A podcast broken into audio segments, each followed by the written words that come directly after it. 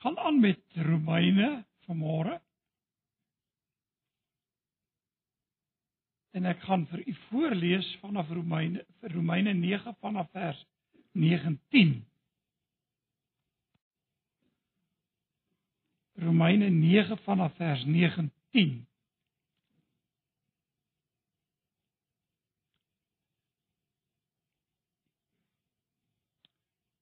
Terwyl u u Bybels oopmaak, kom ons buig net vir 'n paar oomblikke ons hoofde in gebed.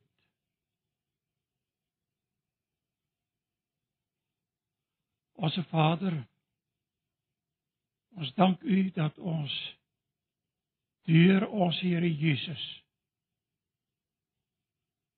U ons Vader kan noem.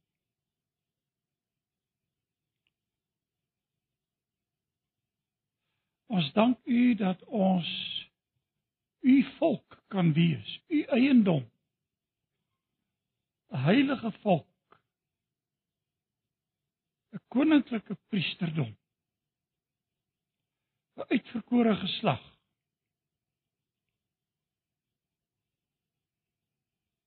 En Here ons erken en ons weet vanmôre dat hierdie is te danke aan die groot onweergrondelike onbeskryflike genade wat God aan ons betoon het.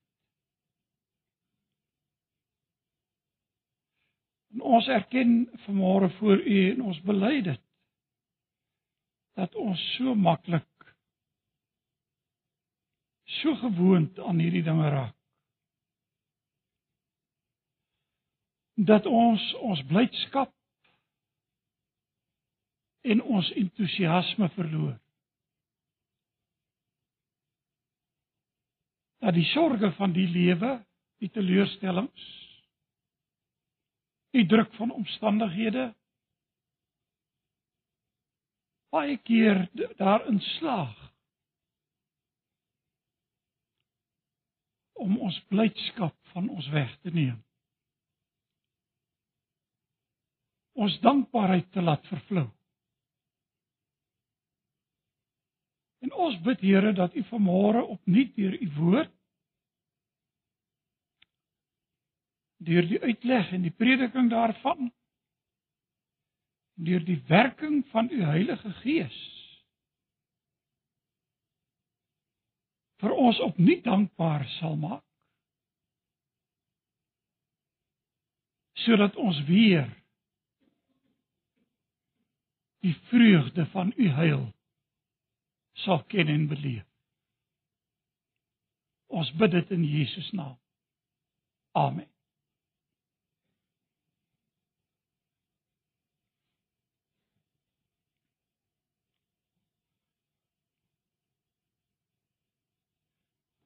Die tema op hierdie stadium gaan oor die handhawing van God se geregtigheid.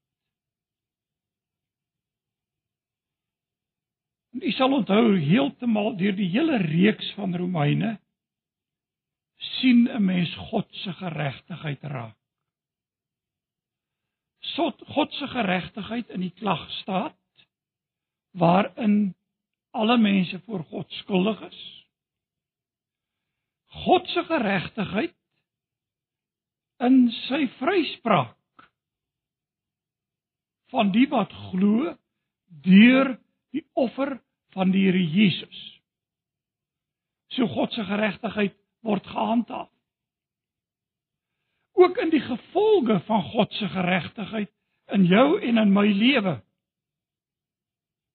Dood vir sonde, lewend vir Christus word God se geregtigheid gehandhaaf.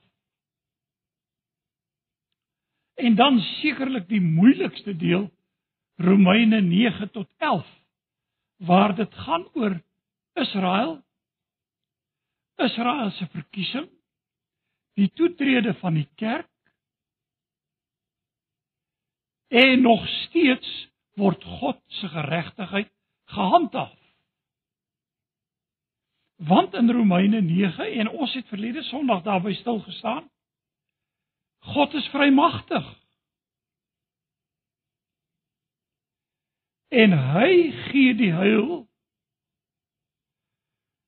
En hy skep die weg na die heil soos wat hy wil. Soos wat hy dit bepaal het. In sy goddelike verkiesing doen hy dit. En dit het ons raak gesien in die lewe van Abraham die roeping van Abraham. Die verbond met Abraham en die opvallende waarby ons verlede week stil gestaan het En ek moet dit herhaal want ons gaan weer hier hiermee te doen kry vanmôre. Die feit dat aan Abraham 'n belofte gemaak is, nie net vir hom en nie net vir sy fisiese nageslag nie, maar vir die hele wêreld. In jou sê die Bybel sal al die geslagte van die aarde geseën wees kan daardie vertaal met al die volkere. So met ander woorde reg van die begin af en hierdie belofte met Abraham en die verbond wat God met hom gemaak het, die belofte aan Abraham het God die ganse wêreld steeds in die oog. En dis die wonder en die grootheid van God se heil wat ons nie altyd kan verstaan nie. Ons kan nie die omvang daarvan werklik begryp nie. Maar dis hoe God gewerk het en daarom en u sal onthou ek het verlede week vir u daarop gewys in Genesis 17 reg aan die begin word al die nasies 3 keer herhaal. So daar's 'n baie sterk fokus daarop. En u sal onthou ek het genoem hoe dat Abraham dan natuurlik eerste toe God dit vir hom sê en hy vir hom 'n nageslag beloof. Abraham by homself dink 99 jaar oud, gelukkig vir Ismael. En lees Genesis 17 weer aandagtig deur. Gelukkig vir Ismael. Maar die Here sê dis nie deur Ismael nie. Dis deur Sara wat daar vir hom 'n seun sal kom. Volgens die belofte en dit is waaroor Romeine 9 hier aan die begin gaan. Isak, die seun van die belofte. Abraham het in die stilligheid gelag. En as u teruggaan na Genesis, toe sal u sien Sara het ook gelag. En ek weet nou nie of dit 'n stukkie humor aan God se kant was nie om te sê jy sal hom Isak noem nie want Isak beteken hy lag.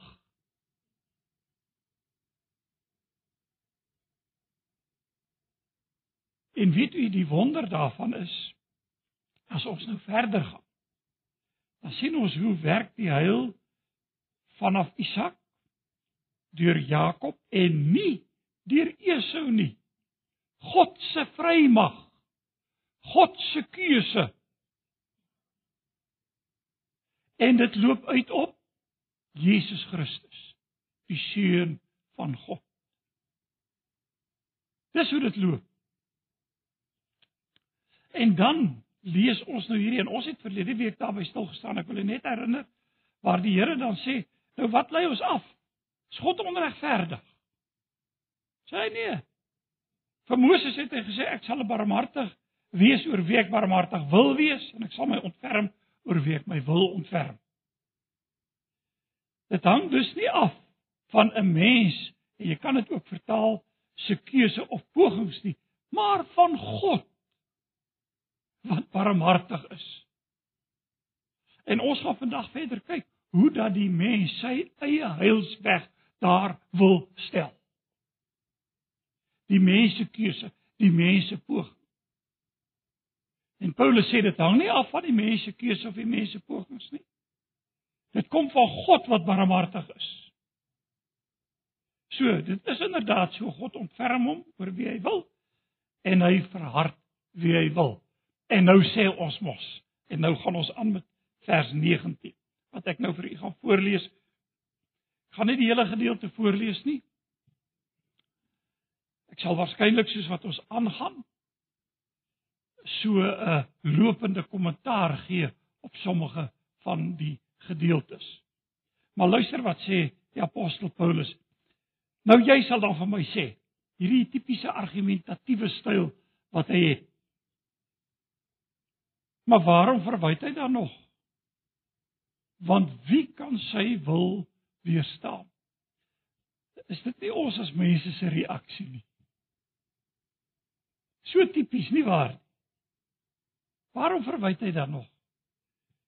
Wie kan sê wie wie kan wie kan teen sy wil ingaan? Vers 20. Mens Wie is jy per slot van rekening dat jy met God wil redeneer? Kan dit ook vertaal met teen God praat? Hoe kan die maaksel vir sy maker sê, "Waarom het jy my so gemaak?" Het die pottebakker nie die reg om uit dieselfde klomp klei iets spesonders en iets alledaags te maak nie? En as God dieselfde wou doen, hy wou sy toren laat sien en sy mag bekend maak. Daarom het hy die voorwerpe van sy toren die mense wat reg was om verdelg te word met groot geduld verdra.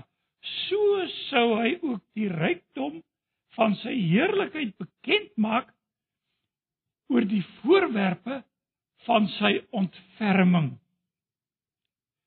En hier kom 'n verrassing. Nou moet jy mooi luister. Die mense wat hy van tevore voorberei het, kan u sien, die heil is nie 'n agterna gedagte by God nie.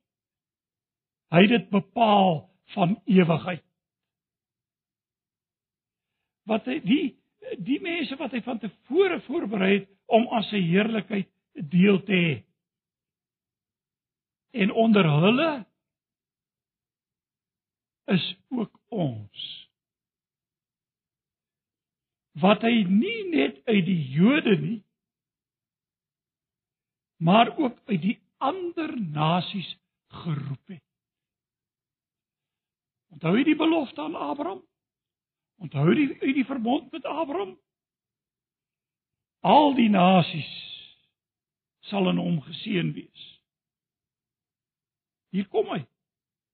Onder hulle is ook ons, sê Paulus en hy praat met hierdie gemeente in in Rome wat bestaan het uit gelowiges uit die Jodendom wat tot bekering gekom het en gelowiges uit die heidendom wat tot bekering gekom het. So hier is hierdie samevoeging wat ons al reeds in die eerste hoofstuk opgetel het van Romeine. En nou kom die apostel Paulus. Hy sê en hierdie heerlikheid wat God voorberei het van tevore waarna ons laat deel het. Hulle is nie net uit die Jode nie, maar ook uit die heidene, uit die ander nasies. En dan gaan hy aan en sê, so het hy so sê hy dan ook in die boek Hosea, hulle wat nie my volk is nie, sal ek roep om my volk te wees en haar wat geen liefde ontvang het nie om my geliefde te wees. En in plaas daarvan dat vir hulle gesê het julle nie is nie my volk nie, sal hulle geroep word om kinders te wees of kinders van die lewende God te wees. En Jesaja roep van Israel dit uit al was die Israeliete so baie soos die sand van die see, net die handjievol wat oorbly sal gered word, want die Here gaan eens en vir altyd hier op aarde die saak afhandel. So het Jesaja trouens al vroeër uh, gesê as die Here, die Almagtige, nie vir ons 'n klompie laat oorbly het nie, soos met Sodom sou dit met ons gegaan het, soos Gomorra sou ons uitgewis gewees het. Ons lees net voorlopig tot daar saam. Nou in hierdie gedeelte wat ons saam gelees het, kom hier nou 'n paar belangrike sake na vore. Die eerste saak wat hier ter sprake kom is God is soewerein in die daarstelling van die heil en in die toekenning en die gee van die heil aan ons as mense. Dit behoort ons tot diepe ootmoed en groot dankbaarheid te stem. Dat God in sy genade ingryp in ons lewens. Ons kan tog nie teen ons Maker rebelleer sê Paulus of wil praat en sê, "Waarom het U my so gemaak nie?" Mens, wie is jy vir slot van rekening dat jy met God wil redeneer? Weet jy? Uh daar's op die rakke so 'n uh, 'n reeks beskikbaar. Almal ongelukkig is die hele Bybel nie uh, uh so beskikbaar nie. Wat bekend staan, ek weet nie of julle al daarvan gehoor het nie, the Translator's Handbook. Dit gaan baie oor die vertaal van die teks. En dan moontlikhede hoe die teks vertaal kan word veral binne die konteks van wat daar geskrywe staan. En weet jy daar is 'n voorstel wat vir my so treffend is volgens Newman en Haida. Wat dit so vertaal het. Who do you think you are that you can talk back to God? So baie treffende voorstel in 'n mooi vertaling van wat die teks hier vir ons sê. Wie dink jy is jy? Dat jy wil waag om terug te praat met God. God het sy heilsweg daar gestel. En hy verdra en nou moet jy mooi luister die voorwerpe vertoring.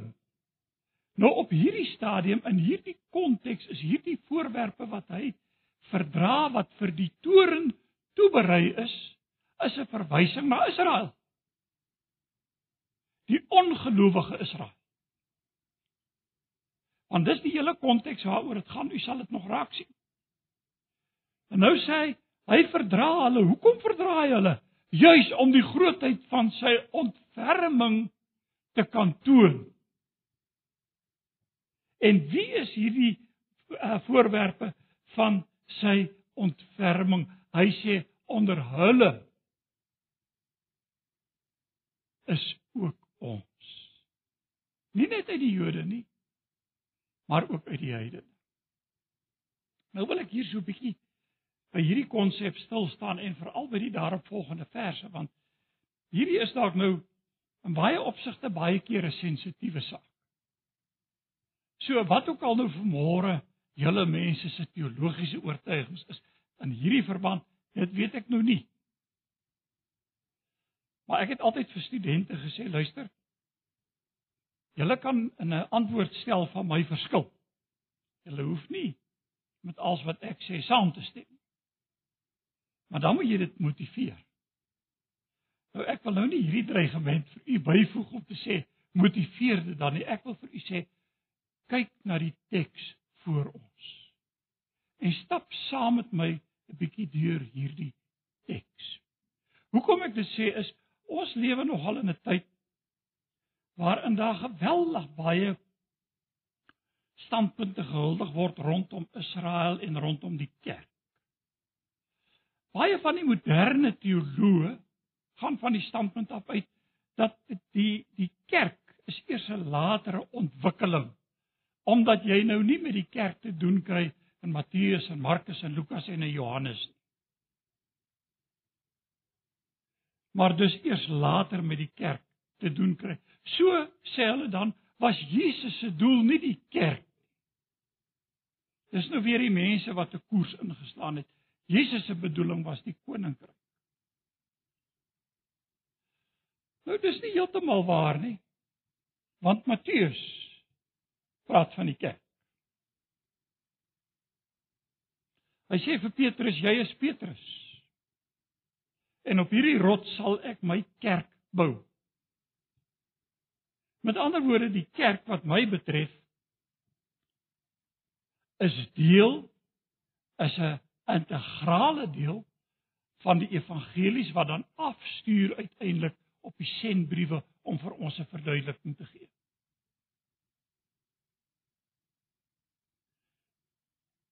Daar's twee verwysings in Matteus na die kerk.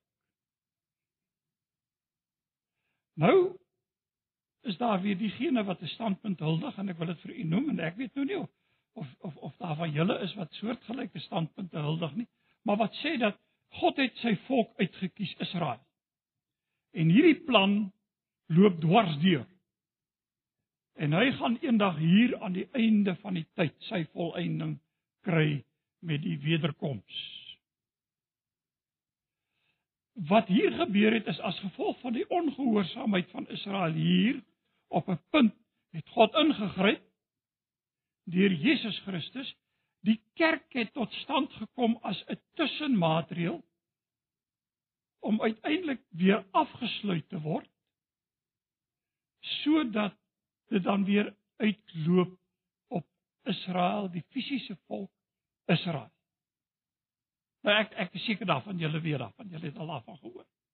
En ek wil dit nou nie ingewikkeld maak nie. Ek wil net hê kyk saam met my wat sê ons teks vir ons in hierdie verband.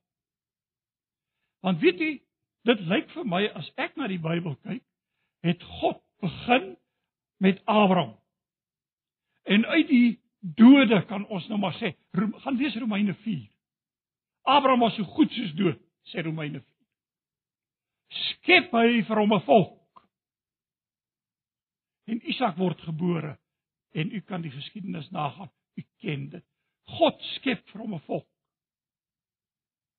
En uit daardie volk uit vind ons die hoogtepunt en die afsluiting hier in Jesus Christus, die Messias, die gesalfde God met ons. Ek sal vir julle 'n God wees, julle sal vir my 'n volk wees, vind ons in Jesus Christus vervul. Nie waar nie?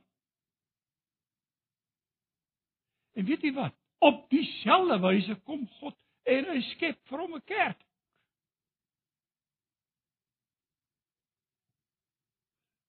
Want sy seun kom na hierdie wêreld.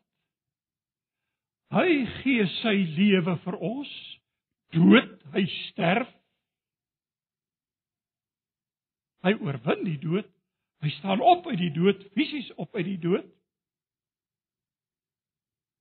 En hy red ons wat dood was deur die misdade en hy maak ons lewend in Christus Jesus. Kan u sien die lyn?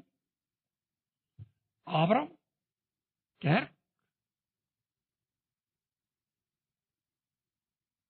En so skep hy vir hom 'n kerk. Letterlik uit die dood uit maak hy ons lewend en maak hy ons sy eiendom. Nou wie is ons? Kom ons kyk weer na ons teks. Paulus sê in vers 24: En onder hulle is ook ons. Wat hy nie net uit die Jode nie, maar ook uit die ander nasies geroep het. Sy saam met my. Ander nasies, met ander woorde, ek weet nou nie of hier uh uh wat nasionaliteite betref, uh, uh Jode is net betwyfel dit nou sterk hier onder ons. Ons sal nou deel uitmaak vanmôre van die ander nasies, nie waar nie? So sê, nou moet u mooi luister. U moet hierdie mooi luister wat hy sê. So sê hy dan ook in die boek Hosea. Hulle wat nie my volk is nie sal ek roep om my volk te wees. Die Nuwe Testament gebruik verskillende beelde vir die kerk en daarop wil ek nou nie ingaan nie.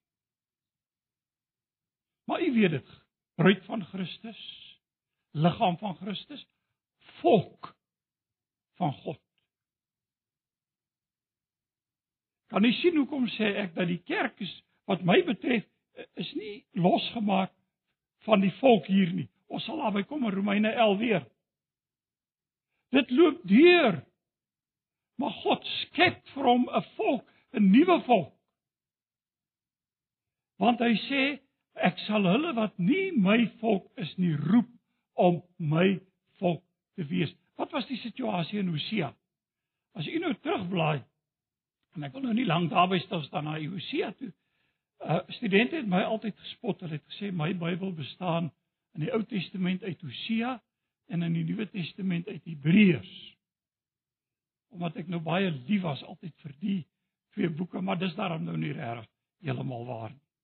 Maar Hosea is vir my een van die mees passievolle boeke in die Ou Testament wat jy ooit kan dink om te leef, te lees. Weet jy die liefde van God in Hosea word so onbeskryflik uitgebeeld dat ek nie dink ons ooit iets daarvan werklik sal kan verstaan nie. Hosea word geroep en die Here sê vir my moet met 'n straatvrou gaan trou. Nou daar's verskriklik baie debatte oor die hoe aan die gang hieroor was dit nou werklik of was dit nou nie werklik nie. Ek mis dink daardie debatte mis die hele punt waaroor dit gaan. God wil toon hoe dat sy volk met wie hy getroud is wat aan hom behoort ontrou is aan hom. Dis waaroor dit gaan. En nou word daar kinders gebore. En ek wil aandag gee aan twee van die kinders. Die eerste kind word genoem Loami. En die tweede kind word genoem Lorugama. Jy sal dit so in die ou vertaling nog lees. Lo is 'n negatief vir Hebreëus. Lo ami beteken nie my volk nie. Vir wie sê die Here dit in die Ou Testament? Vir sy volk. Hosea praat met die noordryk met Israel. Lo ami, nie my volk nie. Lo rugama is die tweede een sin is is dis die derde kind se naam. Nie ons geen ontferming nie. Nou luister hier wat hoe gebruik die apostel Paulus dit. Hulle wat nie my volk is nie. Nou wie's nie God se volk nie? Dis ons, nie waar nie? Ons uit die heidendom. En dis met wie die apostel Paulus praat in Romeine. Hulle wat nie my volk is nie, sal ek roep om my volk te wees. En haar wat geen liefde ontvang het nie, Lorugama. Uit Hosea uit. Om my geliefde te wees. En in plaas daarvan dat vir hulle gesê as julle is nie my volk nie, sal hulle geroep word om kinders van die lewende God te wees. Kan u sien hoe sluit God ons in in sy volk? Romeine 11 praat van die makolytboom. Onthou jy? Waarop die wilde takke nou ingeënt word. Hierdie maktakke is afgekap weens ongeloof. Ons sal daarby uitkom maar word ingeënt. Kan jy sien waarom ek van mening is dat die kerk nie 'n tussenmaatreël is nie. Maar die kerk deel vorm van die geheel soos wat die geskiedenis loop tot Jesus weer kom. En dit is die grootheid van God se heil. Hy het ons deel gemaak van sy volk. Daarom kan die uh, apostel Paulus in Galasiërs sê, hulle wat uit die geloof is. Hulle is kinders van Abraham en volgens die belofte erfgename. Hulle wat uit die geloof is. Hulle is kinders van Abraham en volgens die belofte erfgename. Hou daaraan vas. Hierdie is 'n belangrike waarheid. En daarom vra ek vir u dat u saam met my deur die teks kyk en dan kyk ons verder in wat nou van Israel. En nou praat ons van die ongelowige Israel. Watter plek neem hulle in? Vers 27 en Jesaja roep van Israel uit. Al was die Israeliete so baie soos die sand van die see, net die handjie vol wat oorbly sal gered word. Want die Here gaan eens en vir altyd hier op aarde die saak afhandel. So het Jesaja trouens ook vroeër al gesê, as die Here die Almagtige nie vir ons 'n klompie laat oorbly nie, soos met Sodom sou dit met ons gegaan het, soos met Gomorra sou ons uitgewis gewees gewees het. Sien u die oorblyfsel wat gered word? Kom hier ter sprake. En u kan maar in die Ou Testament gaan lees, 'n mens tref dikwels hierdie die begrip die oorblyfsel aan. En hier gebruik die apostel Paulus wat is sy probleem? Die apostel Paulus het gedink en dit lyk vir my soos as ons by Romeine 11 kom, die Israeliete moet maklik kan glo. Want hulle het tog die beloftes ontvang nie waar nie? Hulle is tog uit die aardsvaders gebore. Hulle het die wet, die verbonde, alles gehad, die tempeldiens. Dit moes die eenvoudigste oorgang gewees het denkbaar vir hulle om dit te omarm en wat doen Israel? Spraak van die fisiese Israel. Hulle verwerp dit. Enkeles, 'n handjievol, hier sê Paulus dit. 'n handjievol gryp dit vas en aanvaar. En Paulus was een van hulle. En daar was Jode in hierdie gemeente in Rome wat tot geloof gekom het. Maar hierdie hierdie massa toestroming lyk dit vir my het nie plaasgevind. Ons sal weer daaroor praat in Romeine 11. Maar hier kry ons 'n idee van hoe dat God uiteindelik sy woord waarmaak en sy heilsplan uitvoer ook in ons lewe wat vandag hier by mekaar is. En ons kan vandag met sekerheid weet maar ons is deel daarvan want ons is geroep om sy volk te wees. Petrus is iemand wat dieselfde beeld gebruik en ek wil tog vir u net vinnig daarna verwys. 1 Petrus 2 vers 9 en 10. En Petrus spreek die kerk aan. Hy skryf aan die vreemdelinge van die verstrooiing. Dan sê hy wie hulle is en waar hulle woon en hy noem die plekke. En dan kom hy by hierdie deel en hy sê vir die gemeente En ek wil hê u moet mooi luister. Maar julle is 'n uitverkore geslag. Dis terme wat in die Ou Testament op Israel van toepassing was.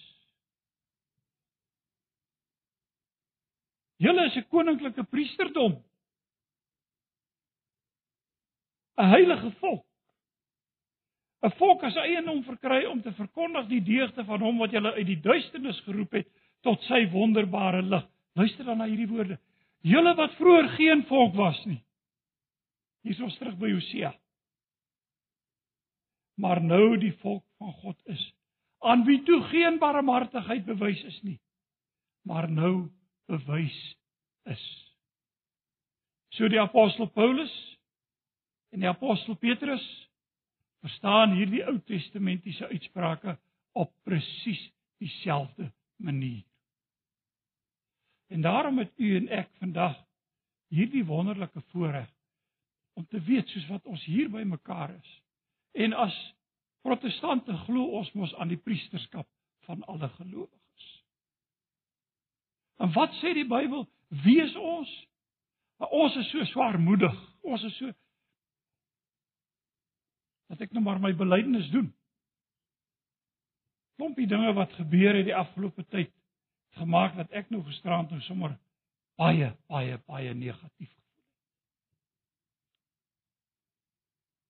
Jy weet amper so iets soos berge val op my, heuwels bedek my. En my vrou die betug my sê dink aan alles waarvoor jy dankie kan sê. En luister waarvoor kan ek en jy dankie sê? As ons vandag swartgallig is. As ons bedruk is, dan sê die Bybel vanmôre vir hierdie gemeente wat hier sit. Julle is 'n uitverkore geslag. Julle is 'n koninklike priesterdom.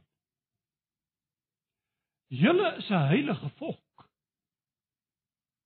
'n volk as eienaam verkry om te verkondig die deugde van hom wat julle uit die duisternis geroep het tot sy wonderbare lig. Julle wat vroeër geen volk was, met ander woorde, sonder hoop. Maar nou die volk van God is. Aan wie toe geen barmhartigheid bewys is nie, maar nou bewys is. Broer en suster, ek wonder. Is ons nog dankbaar oor die wonder en oor die grootheid van God se genade? So loop die heilsplan deur. God het begin met Abraham en hy handhaaf sy reg. En nou kom ons by die struikeling van Israel en die toetrede van die heidene en ook daar handhaaf God steeds sy reg. God se geregtigheid word gehandhaaf dwarsdeur. Die apostel Paulus stel dit vir ons duidelik in hierdie skrifgedeeltes. En dan gaan hy aan in die volgende gedeelte daar met Israel in die evangelie. Hy maak 'n gevolgtrekking. Ek gaan net vinnig daarna verwys. Ek gaan nie lank daarby stil staan nie. En hier maar hier is 'n belangrike konsep wat ek wil hê u moet optel. Paulus sê nou, goed, wat is nou ons gevolgtrekking? Hy sê dit. Heidene het nie vryspraak gesoek nie of geregtigheid gesoek nie. Hulle het nie God se vryspraak gesoek nie maar het wel gekry. Die vryspraak deur die geloof. Israel daarenteen het 'n wet gesoek waardeur hulle God se vryspraak sou kon kry. Maar by so 'n wet het hulle nie uitgekom nie. 'n Baie bekende teoloog het eendag gesê hierdie ding hou verband met die hoogmoed van die mens. En weet jy, in my jonger dae was ek baie keer ontstel. Hoe ons as protestante partykeer so rooms kan word in ons begrip van die evangelie. Bedoelende jy moet dit en dit en dit en dit doen en jy, jy weet. En ons stel daar 'n klomp wette waardeur iemand moet gaan om Jesus te aan te kan neem as verlosser en saligmaker.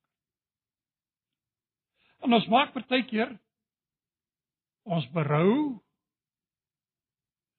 en ons trane en 'n hele klomp goed 'n wet. Hoekom? Ons is hoogmoedig. Ons kan nie met leë hande voor God gaan staan. Ek het dikwels in die verlede al gesê, weet ek dink aan daai lied wat ons baie gesing het, ja, o haleluja lied, moet ek gaan met leë hande, moet ek so my Heer ontmoet. Nou ek weet dit hou verband daarvan, jy weet nie een siel gelei na Jesus, niks te offer aan sy voet. Maar weet jy, as daai lied as ek dit moet sing, moet ek gaan met leë hande, moet ek so my Heer ontmoet as ek ja, 'n duisend maal ja. Want ek het niks om aan te bied. 'n groot en bekende teoloog het in die vorige eeu, hy's hier in die 60er jare sy oorlede. Hy Switsers gereformeerd en hy was in 'n debat met 'n Rooms-Katoliek. En die twee kon in hulle debat nie tot 'n vergelyk kom nie. En uiteindelik synde daarom ten minste goeie vriende het die Rooms-Katoliek met die naam van Hans Kuhn vir hierdie hierdie protestants gereformeerde teoloog gesê ag moet nou nie sleg voel dat ons nou nie hier tot 'n vergelyk kan kom nie. Ek weet jou bedoelings is goed. En toe antwoord hy en hy sê vir hierdie rooms-katoliek dit mag jy nooit sê nie. Hy sê want weet jy as ek eendag daarbo kom kan ek nie al die boeke wat ek geskryf het met my saamvat nie. En as as jy nou daai stapel boeke gaan sien wat hy geskryf het, 'n ou het 'n leeftyd nodig om dit deur te lees. So hoe hy dit geskryf gekry het, weet ek nie. En hy sê ek kan nie my boeke saamvat nie. Hy sê die engele sal vir my lag. Hy sê ek sal voor God staan en net kan sê o God, wees my die sondaar genadig. Maar hoogmoed wil so graag hê ons moet iets bring en dit was Israel se probleem. Hulle wet het vir hulle geword en die profeet sê dit wet op wet, wet op wet, reël op reël, reël op reël, gebod op gebod, gebod op gebod, hier 'n bietjie, daar 'n bietjie. En hulle het hulle wette uitgebrei tot ek weet nie waar nie.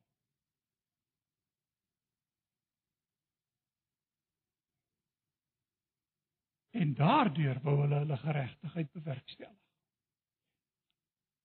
En Paulus het aan die begin van Romeine gesê met of sonder die wet die hele wêreld is voor God doemwaardig. Want broer en suster, daar is niemand regverdig nie, sê Paulus. En hy haal dit uit Psalms aan, selfs nie een. En hier probeer hulle deur die wet Waarom kry hierdie mense nie die vryspraak nie sê Paulus in vers 32 omdat hulle nie op die geloof wou bou nie maar op hulle eie prestasies. Hoogmoed van die mens nie waar nie. Broer en suster dat u en ek nou maar vinnig versigtig wees om om om 'n vinger te wys. Want baie keer in ons eie lewe probeer ons daarom iets van ons prestasies maak.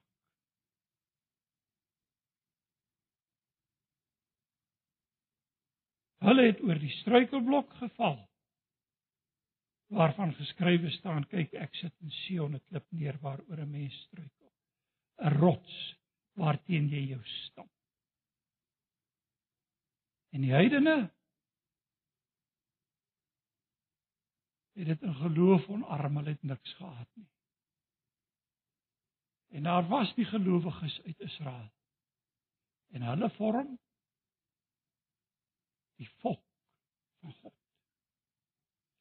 Ons het die laaste tyd presies baie gehoor van die reënboognasie.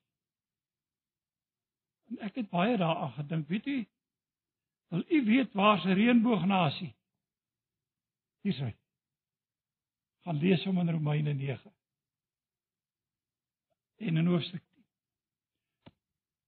Hier is die antwoord vir 'n reënboognasie volk van God. Volk van God.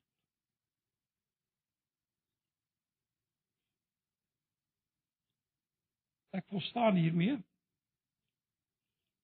En ek hoop nou van harte my gebed is dat dat julle mense uh weet nou nie wat julle standpunte is of wat was of wat ook al nie tog hierdie beginsel sal raak sien. Dat God se heilsplan het begin en hy loop deur en hier's nie 'n tussenstadium nie. Hy loop deur tot aan die einde. Dankie Here vir hierdie tydjie saam vir u vir die wonder van u genade. Dankie Here dat u vanmôre ook vir ons sê Ons is u volk. Ons wat vroeër geen volk was nie. Maar nou die volk van God is. Ons aanbid in Jesus naam.